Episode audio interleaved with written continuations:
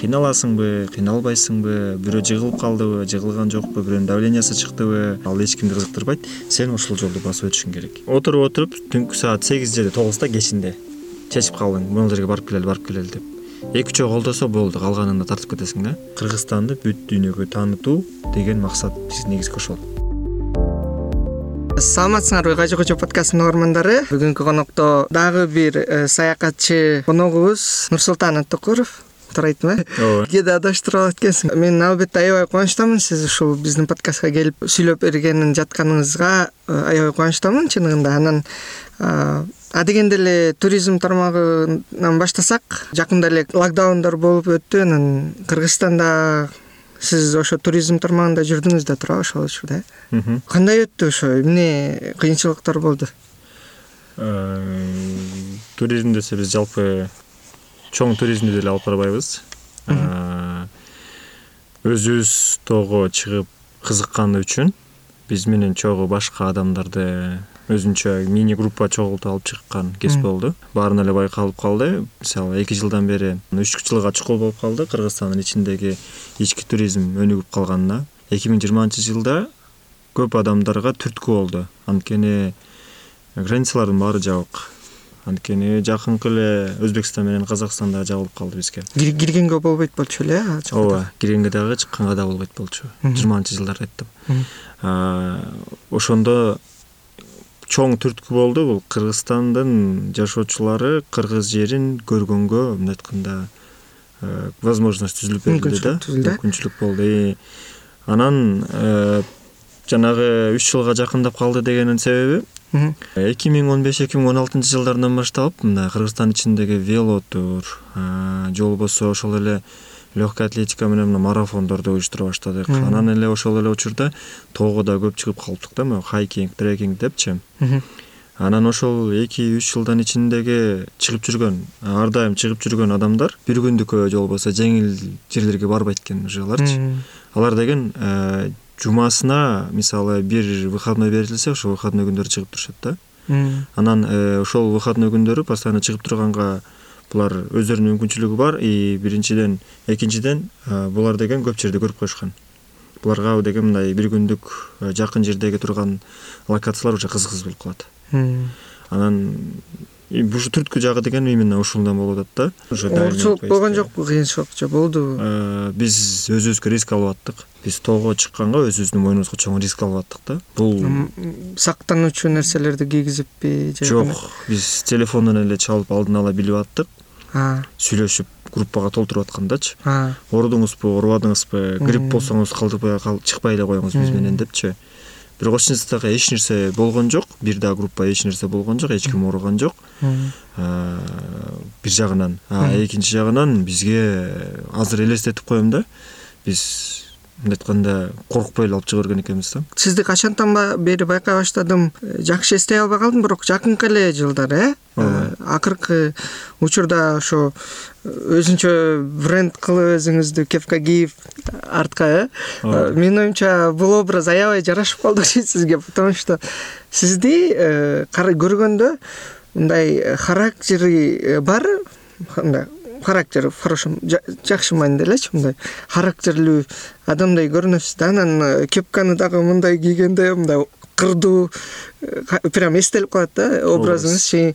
Анан э, ошо тоого чыгып сүрөттөрдү киргизе баштадыңыз анан мага жаккан жери сүрөттөрүңүз классикалык пейзажга жакын да. Баса бул эмне болгон открыткалар? Бул открыткалар выставка болду э ооба выставка болду. Ошондобу ооба бул негизи э, эки жылдан бери алектенип келем эме боюнча мына ички туризм боюнчачы. Тоолорго чыккан боюнча. Бирок э, эки миң жыйырманчы жылы карантин бүткөндө фотоаппаратты кайра колума алдым. Буга чейин беш жыл мурун мен фотоаппарат менен э, жашап фотоаппарат менен уктап фотоаппарат менен турчумун да. Сүрөт тартчу элеңиз жок фотоаппарат. Шаарда болобу кайсыл жерде болобу мен үйрөнчүк болчумун да. Ушунчалык жакын болуп бир жыл көтөрүп жүрдүм. Анан ушул кайра кайталанып ошо пандемия учурунда кайра өзүмдүн эски хоббимди эстеп э, карантинден чыккандан кийин фотоаппарат колго алгандан кийин чогулуп калды материалдар. Биз эки миң жыйырманчы жылы кырк жети жолу поездкага чыгыптырбыз кырк жети поездка бир жылдын ичинде. Бул карантин учурунда? карантин учурунда да болуп атты карантин бүткөндөн кийин да болуп атты айырмасы жок. Жалпы эки миң жыйырманчы жылдын январдан баштап кийинки декабрга чейин. Эгерде карантин болбогондо мындан да көп болмок экен. Поездкаларчы. Анан ошол кырк жети поездкадан жыйырма миңге жакын кадр чогулуптур алардын ичинде немелери бар топтору бар эми. Аларында жок кээ жерде топтору чыкпай да калат ошол жерге чогулган фотолордун кырк жети фото кылып туруп ошо кырк жети элүү фото калган негизи. Анан элүү фотодон кыскарып отуруп кырк жети фото болуп калды анан ошону выставкада февралдан марттын ортосуна чейин он күн сегиз күн выставка кылдык. Бир аз мурун эле ооба. э. Анан ошол выставкага бул открыткаларды чыгарып калдым. Открыткалардын бир жери кандай болду? Бул адамга деген выбор бердим да. Канчалык өзү ушул фотону деген адамга деген жеткирүү болду биринчиден. Кыргыз жери кооз экенин билебиз бирок кайсыл жерде эмне жайгашкан кайсыл жер кандай деп аталат туура туура кайсыл көлдүн аталышы кандай канчалык бийиктикте шаардан канчалык алыс канчалык бут менен басып баруу кыйын жеңил деген ошолордун баарын адамдарга түшүндүрүп айтып берүү болду максатчы. Анан фотолорду койгондун себеби ошол өзүбүз жөнүндө орусча айтканда мы хотели заявить о себе да мынтип айткандачы анан ошол болду и кыргызстандын жерин көргөзүү болду аудиторияны деген мен студенттерге гана алган жокмун чоң улуу кишилерге алган жокмун. Жалпы жергиликтүү шаардын жашоо тургучуларына көргөзгөнгө аракет кылдым. Бул кандай болду. Фотолордун чоңдугу эң чоңу кырк бешке кыркка элүү беш болду размери где то а четыре? Э жок кырк кырк элүү беш бул отрезин чоң. Сантиметр. Ооба кыркка элүү беш экинчиси жыйырмага отуз анан үчүнчүсү ушул открыткалар болду. Баалары дагы ошол эле по себестоимости болуп калып атты. Анткени бул бизнес эмес. Бул деген адамдарга көргөзүү ошол мен даже ойлогон жокмун башында. Ошол жака мен топтоп киргизген акчаны чыгара аламбы деген дагы ой болду. Бирок ал главный болгон жок да. Бул жерде главный ошо адамдарга көргөзүү болду максаты экинчиден биз эртеңки күнү дагы ушинтип кыргыз жерлерин тартып кала турган болсок бизди спонсорлор таап калабы бизди демөөрчүлөр же партнерлор башка бирлер колдоо көргөзүп калабы деген ойдо дагы э, өзүбүздү көргөзө алдык да. Анан э, адамдарга деген бул жерде биз э, эркиндик бергенбиз вход свободный болчу.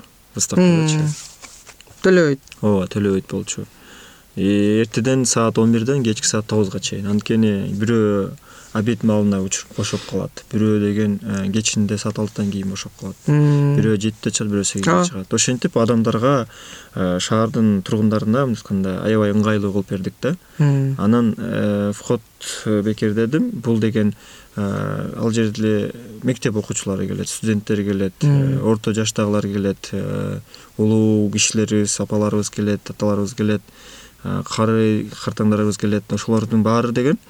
Көрүп суктанып анан ар бирине деген мен э, эки эле күн болушум керек болчу. Бирок досторумдун э, эмеси боюнча өтүнүчү боюнча мен э, ошол башынан баштап аягына чейин өзүм болуп ар бир фотону айтып берип кирүүчүлөргө. Үнүм биринчи эле күнү бүтүп калган болчу. Ошо бүткүчөктө үнүм оңдолгон жок неме болгон жок да калыбына келген жок да ошол кырылдап деле айтып берип аттым.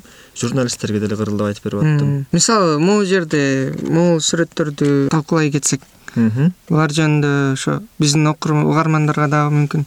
Айта кетесиз биз неме сайтка дагы илип коюпбошубуз керек бул сүрөттөрдү э бул бул фотонун тарыхы тарыхы деле эмес кайсыл жакта тартылган бул ат башыда. Ат башыда. Арчалуу деген жайлоо экен могу жолдон жолдун жээги эмес э? Жок. Жолдун жээги эмес бул бишкек шаарынан төрт жүз элүү километрге жакындап барат бир жака. Мага жакты бул жакта бул бээ саап атышабы ооба бээ саап бүтүштү. Кетип атышат бул аябай сонун кыргыздар деген мисалы иностранецтер деген бул открытканын бир себеби. Бул жерге локация жазылуу. Анын аркасында деген ошол эле фото аркасында бар экен э аркасында деген ошол эле фотонун черно белый варианты и бул жерде деген кыскача ошол адамга каалоо тилек жазган да бул деген ошол эле себептен дизайндагы материалдын составы красканын берилиши ошонун баары деген бул индивидуальный э, отуруп дизайнер менен чогуу отуруп кылган иштердин бири да. Бул балким адамга байкалышы мүмкүн биз сразу караганда байкалбайт. Мындай карап материалдарды карап кагаздын материалы кандай составы кандай ушуларды карап көргөн киши байкайт да. А бул эмне кагаз билбейт экенмин муну барганда ошо чыгарган жерден айтып беришкен өздөрү өзүлөрү консультация кылып Э. өзүлөрү чыгарып беришти да? ооба. Бул сүрөттүн эмеси э, биз деген кыргызстан немеде чет жактан деген иностран- иностранецкий илгерде алдында кыргызстан кандай өлкө экенин сразу эле бугат да полукочевой народ деп угат да полукочевой народ деп. А бул сүрөттө ошонун баары айкалышып турат да. Мындай карасак бул жерде боз үй малдар бул жылкылар и арка фондо дагы мындай ушу жай жайлоо экени билинип турат да баарычы. И токойдун арасында природасы да бар ошо кыргызстандын мындай айтканда табиятычы. И ошол эле мезгилде ат башынын өзүнө тиешелүү кыска карагайлары э? Ат нарын жакта кыска э карагайлар? Жок бул мен башка нерсени айтып бергим келген бул жерде. Просто адамдарда деген кочевая жизнь еще существует дегенчи Э. анан мындай жакын карап келсе бул жерде деген үйлөрдүн арасында машина турат. В то же- время и могу Ооба. цивилизацияда бар дегендей фото болчу. Э. А, бул фотонун кылган жери бул э, шаркыратмасы шаар деген шаркыратма көпчүлүгү муну деген шаар деп. А бул неме да и үчөө бар э? Баратканда жок бул жерде бир эле. Шаркыратманын аты шар. Аха. Бул шар аккан суу шар деп айтылат да. А, көпчүлүгү муну шаар деп айтышат да. Эми кыргыздар түшүнүп турабыз да шаар деген бул орусча айтканда город. Бул ооба страна деген сыяктуучу город. Бул жакта дагы бар экен ошол эле экөө бир сүрөт бирөө алыстан бирөө эки ракурстан тартылган. А бул жерде зеленый контраст фиолетовый контраст анан мындай болуп бутерброд сыяктуу Мм. болгондой лестница. Ооба. Бийиктиги үч жүз жыйырма метр. Могул могул жактан баштай э? Водопадтын могул жерде могул жерге чейин бийиктиги үч жүз жыйырма метр. Могул жерде акырын кичинекей группа адамдарды байкаса болот мындай жакын карап то есть көп барышабы кишилер э ошол жака местный адамдар же болбосо ат башчылыктар өздөрү эле билип укпай барбаса могу оңой элеби жеткенге? Сегиз километр жүрүп сегиз басасың бир жагына. Мм. А, бийиктиги үч миң бир жүз. Бул центральный азия боюнча эң бийик водопад да орто азия боюнча? Ооба. Бул казакстанда дагы өзбекстанда дагы мындай бийик жок да. Эң бийик каскадный водопад деп коет биздин жерлер аябай тоолуу э? Бийик биз кыргызстан боюнча сыймыктанабыз айтып атпаймынбы? Көкүрөк какканыбыз менен биз билбейбиз мага аябай жагат да ушул сиз э, иштериңиз менен э, кечке эле биздин жер кооз анан тоолуу дей бербей э, ушундай проекттерди жасап долбоорлор жасап баягы кылыш керек минтиш керек дебей жөн эле аласың жасайсың. Ооба бул шамшы окшойт э? Ооба. Шамшы. Бул фотону тартып атканда мен жанагы эмени эстегем. Биз эртең менен эрте барганбыз. Кырка тоонун үстүнөн күн чыгып турганда ушул жактан тийип турган. Анан Мм. ошол тоонун астында деген ашыкча баягы орус жакшы мындай тартып жүргөн адам деген фотоаппаратты Э. колдонуп жүргөн адам түшүнөт да. То есть орусча айтканда лишних цветов жок болчу да. Мм. баягы лишний цветтерчи. Эртең менен анан кечинде деген ошол мындай мягкий жакшы күндүн нуру тийип калып анан жакшы кадр чыгат да. Ошондой кездердин тартылган да бир кадр бул. Бул фотону тартып аткан кезде мен жанагы ырды эстегемин жана кичине балаты үшүдү кышта дегенчи. Бул баардык эмеде бак деген карагай деген чогуу өсөт эмеспи жалгыздан Мм. эмес. Бул жерде жалгыз чыгып турат анан биягында деле жакын деле жерде бирок. Бул жердин бир где то элүү метр жетимиш метрдей алыстыкта турат да биринчи эме мененчи. Анан ошол эмени эстеп кеттим да ошол ырдычы Мм. А, өзүңүз изилдөөчүсүңүз го э изилдөөчү болушуң керек э мурда. Жок сүрөт боюнча. Жок. Сүрөт боюнча мен эч жерде окуган эмесмин эч жерден Мм. болгон эмесмин самоучка образ боюнча сурайын дегем кепка кийип сүрөткө түшкөн кандай кайдан келди ал же кепка жагабы сизге? Жок. Кепка деле жакшы эле көрөм бирок артка кийип идея анан тоо- идея башында деген э, артка эме кийгеним а, кепканын калканы Э. козырек фотоаппаратты алганда биринчиден мешать этет.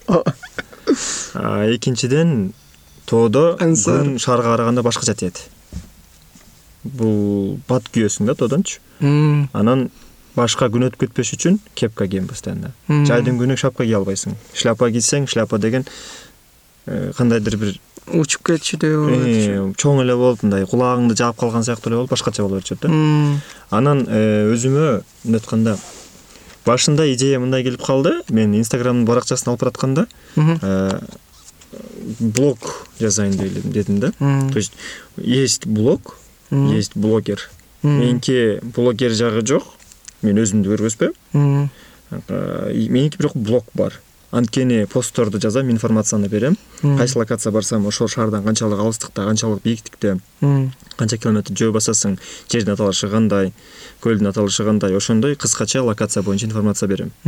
Ошол постто. Бул информативный пост и плюс блог кеп жатат да. Эмнеге? айтып атпаймынбы меники деген блог эле болуп атат а менин блогер деген башкача болуп атат да. Блогер деген өзүн позиционировать этет го. Ооба. Бул түшүнүк бар да инстаграмдачы. Анан ошол эле мезгилде мени деген адамдар эмне кандай кылып жатташ керек депчи ойлонуп калдым да өзгөчөлүгүм эмнеде болуш керек. Анан кепканы ойлонуп калдым. Анан өзү ушул жерге жазып койдум жөн элечи тот самый гид в кепке деп жазып койдум өзүмдүчү анан мен байкалыптырмын аны. ошону ошону көп байкашып анан ошондон кийин анча мынчасы чындап эле даже анан изучать этсең ар бир фотонун тревел блог тревел фото деген бар атайын өзүнүн профи- профилактика Э. эмеси бар да профили бар да. Пейзажное фото деген бар ландшафтный фото деген бар фотолордун эмеси бөлүнөт да. Анан ошону деген мен эч кандай рамкага албайм өзүмдү эч кандай мындай закондорго алып мындай кылып тартыш керек бөлөккө кылбаш керек мындай кылбаш керек деп ойлобойм. Анткени мен ой үйрөнчүк бир жерден окуган эмесмин. Бирок основной базаларды билем. Кантип тартыш керек? Кандай ракурста тартыш керек? Композициялык чувство сезим бар Э. экен го. кадрды көрөсүң көргөндөн кийин тартасың деген эле элементарный эле нерсе бар да. Анан эле ошол жерден кепканы кийип калдым кепканы кийгенден кийин э, өзүмдүн э, кээ бир фотолор бар. Ал башында аркамдан тартчумун өзүмдүчү бул биринчиден адамдын бетин эмес адамдын аркасынан тарткангачы эмнеге адамды? Ошол жерге локацияга барганда ошол локациянын масштабын көргөзгүм келген фотолор гана. Карап көрсөңүз адамдар кичинекей аркасында Ооба. фондогу тоолор килейген чоң чоң болуп турат да. Ошол жердеги эменин масштабын көргөзүш керек болуп адам деген силуэтин коюп коесуң кичинекей болгончу анан кээ жерде кооздураак болуп калган жерде аркамдан атайын ушу кепкамды анан мындай башкача болуп турган өзүмдүн эмем бар да стойкам бар да. Биз менен чогуу чыгып жүрчүлөр мына бир жылдан бери чыгып калган адамдар тамашалашат. Кепкасын аркага алып анан менин стойкамда турушуп анан аркасын карап ошол жерде туруштуп анан пародия кылышат мага тамашалапчы Э, пародия жасай баштады уже. Ооба жасай коюшат анан э, неме деп э, та самая стойка э, от тохорова деп жазып калышат же болбосо та самая поза от тохорова деп сөт киргизип калышат ушинтип тамашалап. Ачыгын айтсам ошо сиз негизи эле хайп болуп атасыз азыркы учурдачы мындай бүт жерде бөлүшүп атышат А, сизди э, өткөн көчө кечинде эле мен бир кыздын профилине кирдим инстаграмдан. Карап атам. Жакшы сүрөт экен ачып көрөйүнчү десем астына аттокуров деп отметка кылып коюптур да ылдый жагыдачы М, анан э, бир чети аябай сүйүндүрөт себеби биз илгертеден бери эле кино көрүп келгенде деле э, баягы запад же болбосо европанын фильмдерин көрүп анан ал жакта ар кандай приемдорду колдонушат э, сүрөттөрдү боешот аябай кооз кылып э. Анан э, ал дагы бир ассоциациялар жаратат деп ойлойм да мындай э, ошол өлкө жөнүндө же болбосо ошол жер жөнүндө э. Анан Э, биз акыркы эле жылдары неме өйдө асмандан тартып өзүбүздүн жерлерди изилдей баштадык окшойт ошо э? Ооба. Мындай жаңыдан ачып көрүп анан менин оюмча аябай пайдалуу болуш керек сиз кылып аткан иш пайдалуу деп эсептейм мен да өзүм сүрөтчүмүн анан э, мен кызыккан дагы нерселер бар кыргызстандын мындай чоң масштабтуу бир э, оор жеткен жерлерине барып бир э, проекттерди кылсам депчи. Анан э, убакыттан пайдаланып ошондой жерлер жөнүндө билесизби? Сурап кетейин дедим эле да мындай. Ай, оор жетесиң. э, сонун гүлдөр өсөт анан э, каар деле турат анан мындай бир башкача атмосферада. Маркадамус деген фотограф бар билбейсизби балким билсем керек.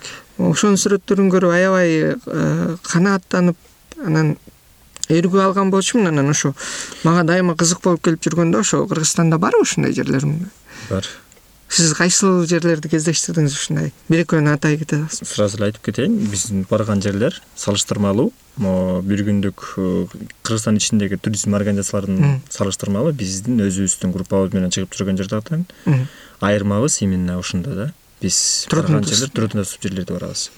И э, жанагы выставкага берилип атканда дагы красивый загадочный кыргызстан деп жазганбыз. И ошол жерге вдобавок текст да кеткен фото фотографии были сделаны именно в труднодоступных местах в северном кыргызстане деп жазган в северном регионе кыргызстана депчи бул нарын областынын ысык көл областынын и чүй областынын үчөөндө бирок көпчүлүктө биз нарын областында анан ысык көл областына бардык. Ысык көл областында деген адамдын буту менен оңойлук менен баспай турган жерлердин бири бул ала көл кайсыл жакта эле? Бул алтын арашан менен кара капчыгайынын ортосунан башында чыгып туруп бир көлгө чыгасың. Көлдүн цвети ушундай жашыл жашыл көгүш бирюзовый болуп келет голубой болупчу а андан дагы экстремальныйлары жокпу. Мындай аябай азыр прям. мен айтып берсем оңой сезилип атат. Кырк килограмм рюкзакты кармайсың өзүңдө. Бир адам кырк килограмм. Кыздар жыйырма он беш жыйырма килограмм көтөрөт. Мгм. балдар отуз бул беш нар- нормативиңерби э ушундай? Жок эми күчүнө жараша бересиз да? Э, көрүнүшүнө жараша. Ошол күнү ошондой көтөргөнбүз деп атам да. Көтөрүлгөндө күнүнө төрт күндүн ичинде кырк километрге жакын бастык. Бул бир. Кырк. Ооба азыр оңой деп ойлоп атпайсыңбы экинчиси бишкек деңиз деңгээлинен сегиз жүз метрде бийиктикте а биз чыккан жер эң потолок чыккан жер үч миң тогуз жүздө. Бийиктикте над уровнем моря дегенде деңиз деңгээлинен үч миң тогуз жүз бийиктикте биз пикке чыккандай эле болосуң килейген рюкзакты кармап алып пикке чыгасың элестете бер.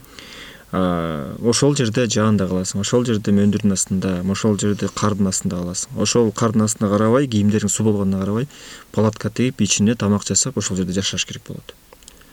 Ал жерде сеть жок ал жерде эч кандай телефон тартпайт. Эгерде сен ошол биринчи күнү айтып кетесиң экинчи күнү ушул жерден тосуп ал деп то есть э, бир жол менен барып кайра ошол жолго келбейсиң да. Бир жол менен барып белди ашып экинчи жака барасың. Ал барган жерде дагы телефон тартпайт. Ошон үчүн биринчи күнү айтып коесуң алдын ала. Биз төртүнчү күнү могул жерге түшөбүз саат он бирден экиге чейин ушул жерде болуп калыңыз бизди алып кетесиз транспорт менен. Уаздар келет. Алтын Мгм. ошол жерге келип бизди алып кетиш керек. А ошол эми элестете бер ошол биринчи күндөн төртүнчү күнгө чейин э, сен интервалды кармап ошончо күнүнө мынанча примерно басышың керек болот. Кыйналасыңбы кыйналбайсыңбы бирөө жыгылып калдыбы жыгылган жокпу бирөөнүн давлениясы чыктыбы үшүп калдыңбы суу болдуңбу ал эч кимди кызыктырбайт сен ошол жолду басып өтүшүң керек. Эгерде саат саат он бирден экиге чейин болбосоң машина келет күтөт болду кетип калат. Жок башка жок айтып атпаймынбы. Сен сууну кечип өтөсүң кыргызча сен түшүнөт болушуң керек сырт дегенден кийин. Суу кирет деп коет бул кечинде саат төрт бештерден кийин суу көбөйөт. Жайдын күнүндөчү Мм. обычный суу агып аткан дарыянын кичинерээк болгон дарыя эки эселенип көбөйөт. Жамгыр жааганда үч эселенип кетет. Ошондой кичинекей суунун биз саат именно алтыга жакындап келип туруп сууну өттүк кечип бул жагынан бул жээктен эрки жээкке чейин он он беш метрдей жайылып аккан дарыяны кечип өттүк. Муздак. Муздак. Кечки саат алты. Бир күн кечке жамгыр жааган алтыга жакын. Э, алтыга саат алтыга чукул эме болуп калган. Жаан э, токтоп калган. Анан токтоп калгандан кийин биз өттүк. Өткөндөн кийин бутуңдун какшаганын ошондой сезесиң да. Биз өтүп алып биз төртөөбүз он төрт адам. Он төрт адам группада он кыз төрт бала. Бүт тоого чыгып жүргөндөр. Э, биз төрт күн ушундай эмнени гана көрбөдүк да? Биз кышты көрдүк жазды көрдүк жайды көрдүк тигини көрдүк муну көрдүк. А, анан алтын арашанга келдик дагы. Ошол жерде горячий источники бар. Ошол төрт күндүн ичинде басып өткөн жолдон кийин биз атайын ошол төртүнчү күнгө самый смак кылып самый сок кылып ошол күнү калтырып койгонбуз да. Келгенен алтын арашандан рюкзактарыбызды чечип анан атайын ошол жака барып горячий барып ошол жерге э, мынтип орусча айтканда наслаждаться эттик да. Наслаждались моментом да мындай айткандачы ырахат алып э э рахаттанып биз өзүбүзгө өзүбүз сыймыктанып мы это сделали депчи мы смогли деп. Сүрөттөрүн карасаң андай көрүнбөйт мындай. А эме да э, оңойдой сезилет да. монеты есть две стороны дегендей э, эки жагы бар да. А бул фотонун кандай кылынып кайсы жерден кылынып келген кандай кылынып келген э, кайсыл маалда болгон мисалы бул жерде фотолордун ар бир эмелери бар да өзүнүн тарыхтары бар да.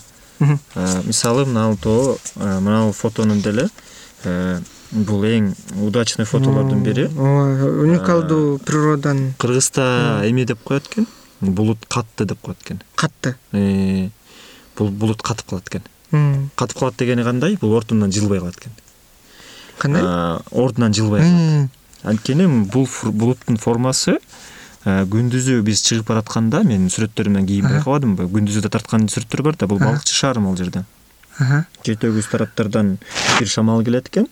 Боомдон экинчи шамал чыгат экен ошондо эки шамал улан деп койчу беле улан деген шамал экен.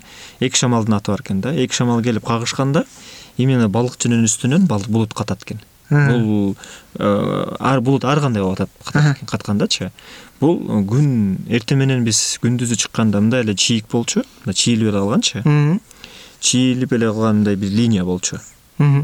Анан э, кийин биз түшүп келатканда могул жери үстү жагы бир болуп бирок асты жагы мынтип чарчырап турган болчу биз канчалык ылдыйлаган сайын бул деген дисктерге образныйга бөлүнө баштады булутчу бирок где то он саатпы он эки саатпы бузулган жок. Булут ордунан жылган жок. То есть күн баткычакта ошо күн батып баратканда кызыл эффектти берди. Ошол кызыл эффект менен тартылган фото да ой мен бишкек экен деп ойлоп кеттим да балыкчы экен э? Э анан э, просто мындай болуп калды. Э, орусча айтканда я оказался в нужном месте в нужное время группада алты киши болчубуз алты кишинин ичинен бир эле менде фотоаппарат бар болчу тигилер деле тартышты бирок тарткандан кийин фотоаппаратка тарткан эффектти көбүрөөк берди да. Анан бул фотону кылаардын алдында мен э, биз колотун ичи менен басып келаткан болчубуз. Колотун ичи менен басып келатканда э, кыр бизди тосуп турган. Бул булуттун жарымы тосуп турган ошол кырга чейин ушул моментти кой бербейбейин деп мен беш жүз метрдей учурканым окшойт го. Кой берип койбойн деп. Ну фотоаппаратты колдонуп жүргөн киши түшүнөсүң сен мени жакшы түшүнүп болушуң керек. Ушул момент э, бул золотой час деп коет ооба эртең мененки золотой час бар анан кечиндеги золотой час бар. Ушул кечкиндеги күн батып баратканда күн батып кетет батып кеткенден кийин мындай эффект болбой калат деген ойдо мен чуркадым чарчаганыма карабай эле чуркап э, болбосо ошол күнү э, жыйырма километр басканбыз бир күн. жыйырма километр баскандан кийин деле ушуну тартып калам деп чуркадым. Аябай эле катуу чуркадым. Энтигип аябай мындай ошол жерге барганда мындай айтканда задыхаться этип мындай эме болгонума карабай фотоаппаратка кайра кайра тарттым да бир жыйырмадай отуздай кадр тарттым ошонун арасынан эң эле удачный болуп ушул чыкты. Анан инстаграмга киргенден кийин кыргызстандын ичиндеги порталдар бүт бөлүштү болгон порталдар медиа порталдар бөлүштү. Жазып атышты э, ушундай ушундай деп жанагы астына деген описаниясына жазып коюп атышты. Биз бирок кыргыздар э, мындай айтканда аң сезимибиз өнүгө элек. Э, анткени чет өлкөлүк э, аккаунттор болсо бизди автору ким экенин ушул жерге белгилеп кетмек да. Маданият инстаграмда аябай эле көптөй эле азыр эми акырындан өнүгүп баратышат эгерде сенден бирөө сурап койсо сен жок дебейсиң. Э. сенден бирөө сурап койсочу бирок кандай эмгек менен тартылып келген фото болуп турса сен контентиңди даярдап келип туруп обработка кылып туруп чыгарып койсоң адам деген кандай эмгегиңди түшүнбөйт бөлүшүп алат дагы өзүнүкүнө чыгарып коет. Бул менин оюмча бул кандай айтканда туура эмес нерсе да. Албетте ар ким өзүнүн чөйрөсүн баркташ керек. Анан мага жаккан нерсе сиз ошо ушуну маданият катары э, чыгарып атканыңыз аябай кубандырат. Себеби баардык тартып аткан сүрөттөр ошо белгилүү бир артындагы окуясы менен келсе кошумча маалымат менен э? Өзүнчө бир э, структуралаштырып э, кошуп туруп анан чыгарса элдин дагы ошо маданияты өсөт болуш керек деп ишенем анан сиз менин оюмча биринчи кадам жасадыңыз окшойт тиги. Медер менен ошо выставка кылалы деп элдерди чакырып чогултуп айтып берип дегендейчи. Вот мага Анткени- бул көрүнүш жагып атат бир чети да. Бир четти карасаң выставкага там элүү киши келет же эки жүз киши келет же там эми көп дегенде там миң киши келди ошол эле учурда интернетке киргизип койсоң аны бир күндө эле там он беш миң киши көрүшүп ыкмал да кээдечи. Ооба. Бирок чыныгы э, сүрөт бүткөн сүрөт бул э, кагазга түшкөн сүрөт да. Ушинтип айтышат сүрөт чөйрөсүндөчү анан сөзсүз түрдө печать кылыш керек сөзсүз түрдө китептерди чыгарыш керек э, деп ойлойм а менин оюмча сиз туура багытта барат окшойсуз аябай. Мага жагып турат да ушундай маданиятты жаратып атканыңыз анан э, гид болуп иштеген жөнүндө дагы бир эки сөз сурап кетет элем. Эмнеден эле баштап кетейин? Мен кантип бул гид болуп калганымды элечи мага мындай пассивный отдых жакчу эмес да тоого чыкканда деле мисалы алар жака чыгабыз шашлыкты бышырабыз дагы жеп алып кайра келе беребиз ошону биз таага чыктык деп коебуз да. Анан э, мага деген ал жакчу эмес. Такыр эле жакчу эмес да. Мына тоого чыккандан кийин тоонун башына чыккым келе берчү анан бирдекени көргүм келе берчү мындай э, изучать этким келчү да. Анан акырындан ошо эки жыл башта эмелер ушундай ай- турагентстволор ачыла баштады. Организациялар чыгаргандачы. Анан ошолор менен чогуу бир күнү бардым. Ошентип башталып кетти гид болупчу а мурда кайда иштечүсүңүз Э, жок азыр деле жумушум бар менин ооба основной жумушубуз бар. Офисте отурам. Бул гидти деген мен суббота күнү воскресенье күнү анан мисалы жума ортосунда дагы будний күндөрү дагы чыга турган болуп калсак мен жооп суранып эле чыгып кетип каларым. М, анткени ушул жаатта көбүрөөк өзүбүздү көргөзөлү көбүрөөк позиция кылалы ушул жака көбүрөөк направление кылалы көбүнчө мындай э, басым жасайлы деп ушул жака Э, өнүгүп бараткан жерибиз ушул да азырчы мен жалгыз эмесмин биздин командабыз бар Э. Компания эмес компания эмес Бул Өзүң жерде эле? өзүбүз бул жерде бизди деген эч ким спонсировать этпейт эч ким эме кылбайт деле биз өзүбүздүн акчабыз менен гидтен кийин э, өзүмдү өзүм раскачать эте баштадым Э, то есть раскачать этсе адамдарды гидти деген жөн эле бир жерге алып барып көргөзүп кайра алып келип э, адамдарды гид проводник ал гидтерден бөлүнөт эмеспи? Гид проводник гид экскурсовод горный гид депчи.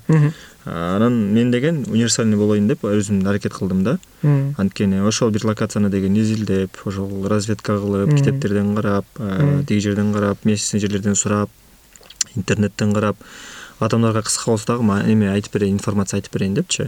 А өзүм тарыхчымын.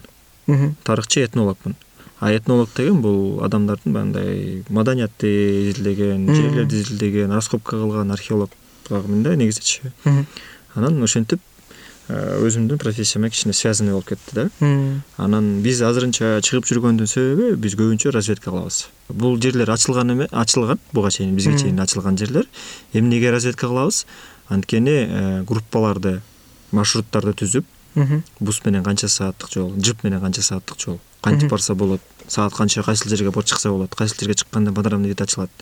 Жердин аталышы эмне кантип бара алабыз? Маршрутты составлять этип адамдарга пакет кылып туруп даярдап берүү. А, разведка кылганыбыз ошондо. Азыр деле эме эмес секрет сиз ошондо чыкпайсызбы? Э мындай активдүү там Жума сайын менен жума жума сайын сайын. чыгам мен. Тажабайсызбы? Жок. Эки жыл могу эки жыл болуп калды жума сайын чыгам. Кээ күндөрү будний күндөрү да чыгып кетип калабыз биз бизди даже тааныган адамдар бизди экстремалы деп коюшат. Отчаянный депчи. Эмнеге анткени биз айтып атпайбы жанагы Э. отуз килограмм кырк килограмм рюкзактарды көтөрүп кеткенде эле бизде элдер таң калышкан экен. Отуруп отуруп түнкү саат сегиз же тогузда кечинде чечип калдың. Могул жерге барып келели барып келели деп эки үчөө колдосо болду калганында тартып кетесиң да. Чаласың сразу эле тааныштарыңа группадагы балдарга кыздаргачы. Түнкү саат он экиде болуп атабы бир болуп атабы чаласың уйкулуу жооп беришет. Уйкулуу жооп бергенде разведкага кеттик десең кеттик дейт да алар дагычы Э? ошондой ошондой экстремал бар ошондой мындай отчаянный болуп калганбыз да. А кандайча келдиңер ошо ордо мындай команданы түзүп э негизи эле? Бул бир жылдын э, талыкпай иштеп келген жыйынтыгы ошол команда ошол биз менен чыгып жүргөн тоо сүйүүчүлөрү бизибизди өзүбүз таңашалап се- сектанты деп коебуз самсалагандар деп коебуз темселегендер деп коебуз. Э, тамашалап бизди кайра горный козлы деп коюшат анан тамашалап ушинтип ошол адамдар выставкага даярдандым ошо выставкага даярданып атканда дагы ошолор жанымда болду. Түнкү саат э, ке- бир күн бир сутка биз жанымда болду. Эртең мененки саат бешке чейин даярдадык бүт баарын өзүбүз колубуз менен баарын өзүбүз илип чыктык. Ошонун баарын ошол команда ошол жанында болду. Бир туугандарды общение кылабыз азыр сүйлөшөбүз. Катташып турабыз. Жакшы жеречи ата энеси анча мынчасы тааныйт бир туугандары тааныйт үй бүлөсү тааныйт дегендейчи. Ошон үчүн азыр ушул команда менен дагы да болсо өнүккөнгө аракет кылып көрөбүз да. Сиз жума сайын чыгат экенсиз а негизи гидтер кандай иштешет? Башка гидтер мен түшүнүгүм аз. Ачыгын айтсам анан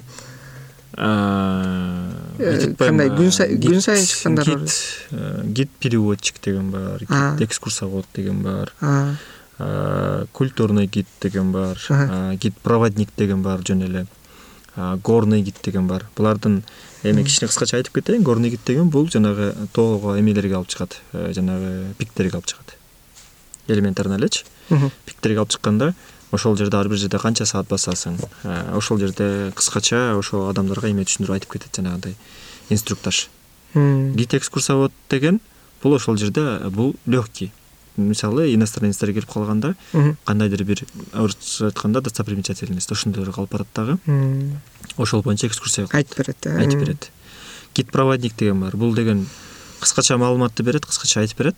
Бирок алып барып көргөзөт кайра алып берип коет болду могу кеттиктин балдары ушул азыр э? биздин кыргызстандын ичиндеги турларды жүргүзүп аткандардын баары эле гид проводниктербиз анткени биз ошол жерде эме информацияны өзүбүзгө кичине алып жететип дегендей аз да биздечи болушу мүмкүн бирок бир чети карасаң ошондой проводниктер менен барганда эле мындай ненавязчивый орусча айтканда байлантпайт э? Гидтин баары эле байлантпайт гидтин милдети э, сурагандаргабы же кандай сурагандарга айтып береби же кандай гидтер айтса сурагандарга да айтып берет. Негизи инструктаж жүргүзүп атканда же болбосо может быть бустун ичинде транспорттун ичинде кетип баратканда түшүндүрүп айтып бериш керек да.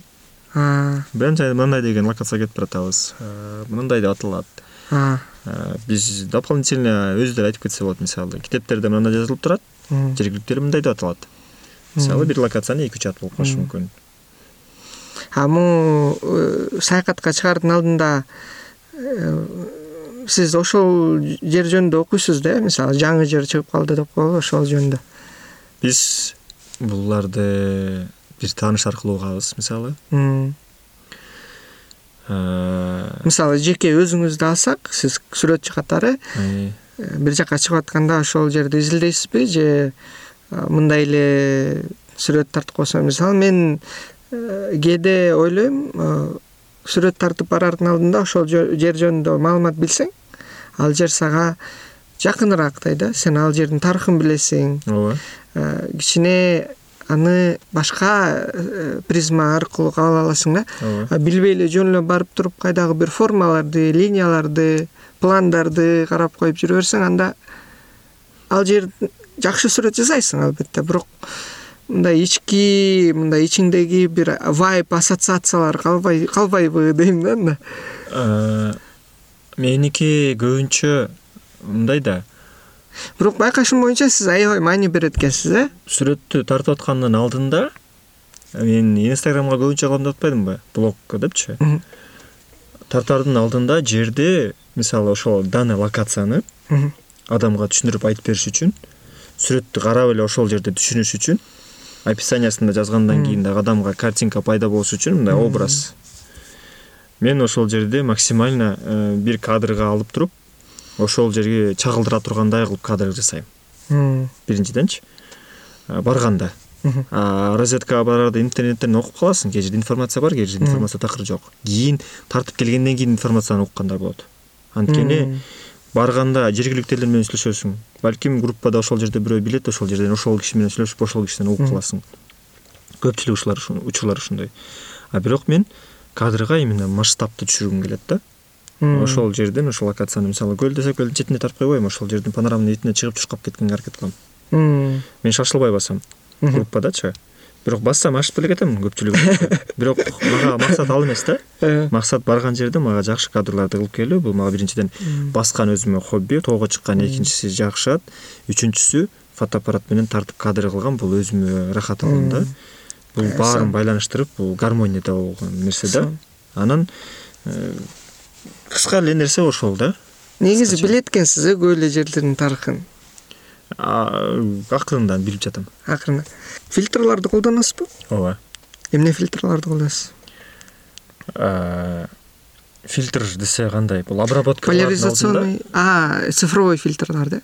Цифровой фильтрлар а мындай жок. Аларды сууга эле колдоном жанагы длинная выдержкага тартып аткан кезде. Эме энди э? Ооба.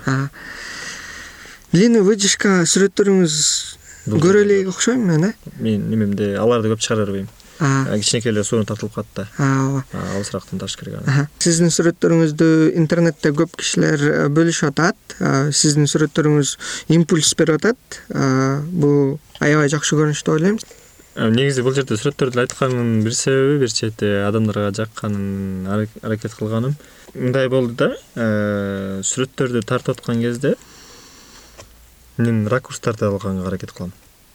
Мындай кооз кылып анан пейзажды деген жакшы форматта бергенге аракет кылам да. Бул биринчиси. Экинчиси анан обработканы көп кылбайм. Анткени адамда деген мындай болот да. Ожидание реальность дегенчи.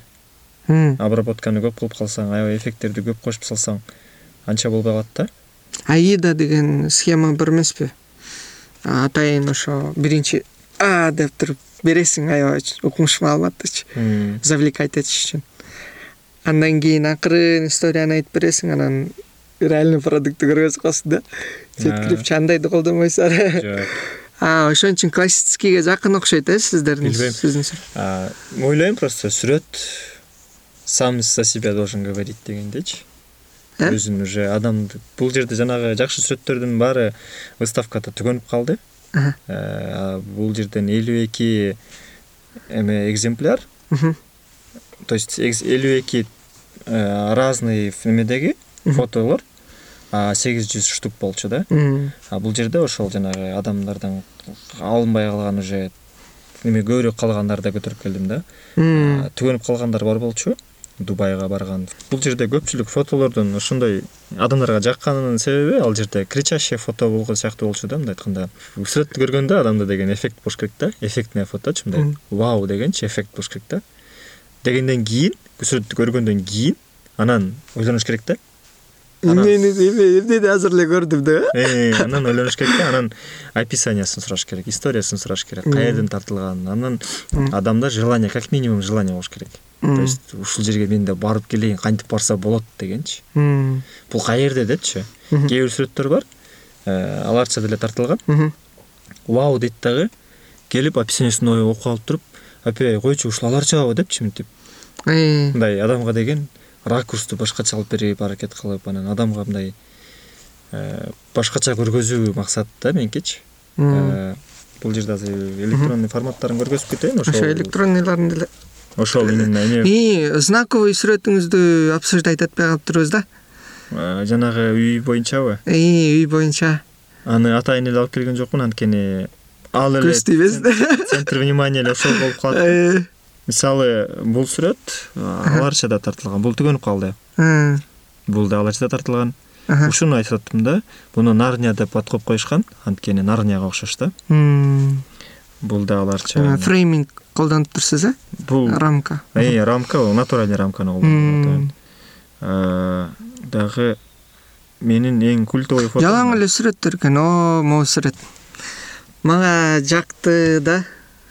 Могу жерде түтүн болбогондо такыр башка история болмок экен. Ооба. Бирок ошентсе да бул жерде көп пландуулук бар экен э? Мен да жаздым эле го сизге. Бул фотону киргизердин алдында мен тартып келгенден кийин киргизген жокмун эки жумадан кийин киргиздим. Э? Эки жумадан кийин киргиздим. Э, мен күткөн эмесмин.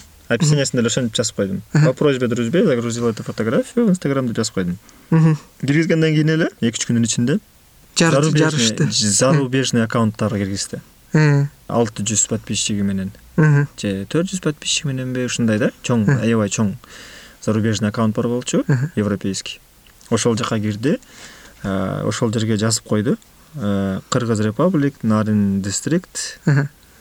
Э, фото бай атокуров деп жазды. И фотонун өзүнө да отметка кылды кылгандан кийин э, жарылды да бул фоточу ошолор чыгарды кыргыздардын медиалары чыгарды. Азыркыга чейин бул өзүнүн немесин жоготпойт да. Бул фоточу эффектисин жоготпойт да. Мындай фото ойлоп калам.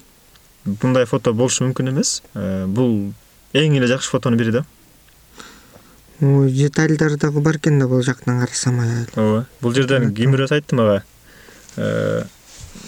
бул үйдү ачып турган көркү бул эшиги көк цветте экен ушул эшиги көк цветте болбой же болбосо бул капталында же бул капталында болуп калып эшиги жок болуп калганда сүрөттүн көркү чыкпай калмак. Эшиктин э, кареги ушул үйдүн эшигинде экен депчи. Сүрөттүн кареги депчи ушул болду. Анан э, бул дубайга кеткен фотолордун сегиз фото кетти. Ушул фото кетти. Биринчиси. Экинчиси бул. Этот көл суу э? Негизи көл суу дейт бирок аты башка экен бирок көл тетири. Көл тетири. Э, буну жакындатып келсек мындай чоң форматтагы сүрөттөр аябай баарычы мисалы могу ташты деген адымдай калсам көрүнбөй калат э, ушул кетти. Бул кетти ой могу жер каяк? Босого жайлоосу айтып атпаймынбы кричащий фото болуш керек депчи. Адам деген мисалы иностранец деген эми мен ошентип элестетем да иностранец кыргызстанды укту. Кыргызстан тоолуу өлкө экенин укту кыргызстанда токой бар экенин укту кыргызстанда суу агат экенин укту. Араб деле элестетсеңер азыр жаныбек э, арабтар да кыргызстанда ошондой тоолуу өлкө суу агат токой бар тигиндей мындай деп укту да. Анан келип туруп ушул сен арабсың да мисалычы анан мындай кылып көргөзгөндө сен арабтын ошо укканда мындай представлениясы башка. Картинканы көргөндөн кийин оправдать эткилет нерсе да булчу ой ушул жердеги сүрөттөрүңүз жагат бул жолдо эле тартылган сүрөт негизи. Булчу биз машинада кетип баратканбыз. Мен барган жерден жолдон токтото берем жеткичекти элечи водительдичи машинада эле айтып коем ошонун алдына отурам бул жерден токтоп коюңуз тил жерден токтоп коюңуз кадыр кылып алайын тиги кылып коеюн тигини мынтип коеюн деп эле токтото берем. Жеткичектичи бул аркасында келаткан болчубуз көл тетириден шаарга бишкекке. Э, тааныш инимди токтоттум токтоттурдум машинада болчу ошол водитель болчу. Токтогон жерден ушул фото тартылды. Анан кийин ушул жер фотозонага айланып калды. Кийин да барышты да анан ушул жерден түшүп сүрөткө түшүп калышты. Төрт беш жолу барып келишти именно ушул жерден сүрөткө түшүштү токтоп. Анан элдерге уже бул жер фотозона болуп калды. Ошо могу сүрөттөн кийин? Э, ушинтип э, кыргыз жерлерин барып тартып биздин сүрөттөрүбүздү элдер байкап интернет деген башка цифровой мир деген башка реальный мир деген башка да. Выставканы өткөргөн бир жагы ошол. Бул открыткаларды да ошондон өткөргөн бири ошол. Ооба азыр адам келет. Бирок аз адам келсе дагы э, айтканда чыныгы кыска анан нуска болду да. Адамдар келди чыныгы адамдар көрө турган келишти. Бизди көрүштү. Ошол анан биздин кичинекей ушундай кылып жаткан жумушубузду дүйнө жүзүнө тарап атканы анан выставкага кеткен сүрөттөр анан э, бизди кыргыз ичиндеги кыргыздар таанып калганы баштагандары мындай айтканда бизди колдоп баштагандары бизди э, орусча айтканда аябай мотивация берет да бизгечи. Бизди дагы алдыга э, умтулганга аракет кылат. Ооба бизге түрткү болот мындай айткандачы? Баарына мындай айтканда ыраазычылык билдиргим келет да орусча айтканда всех обнимаю всех люблю деген сыяктуучу ушундай биздин сфераны адамдар түшүнүп калгандар да пайда боло баштады. А биз дагы кантсе дагы ошо международный уровеньге чыгып кыргызстанды бүт дүйнөгө таанытуу деген максат биздин негизги ошол. Сонун максат чоң рахмат э, биздин подкастка келип бергениңизге нурсултан байке анан менин оюмча дагы көрүшөт болушубуз керек. Буюрса биздин подкастта анан ушуну менен биз подкастты аяктайбыз. Бизди угуп жаткан чет жактык жердештерибиз дагы бар көп өлкөлөрдөн. Менин оюмча силер дагы кыргызстандын сүрөттөрү жөнүндө кыргызстандын келбети кыргызстан мекени жөнүндө угуп кичине элес алдыңар болуш керек. Биз сүрөттөрдү ылдый жагына кошуп коебуз э жөнөтүп койсоңуз.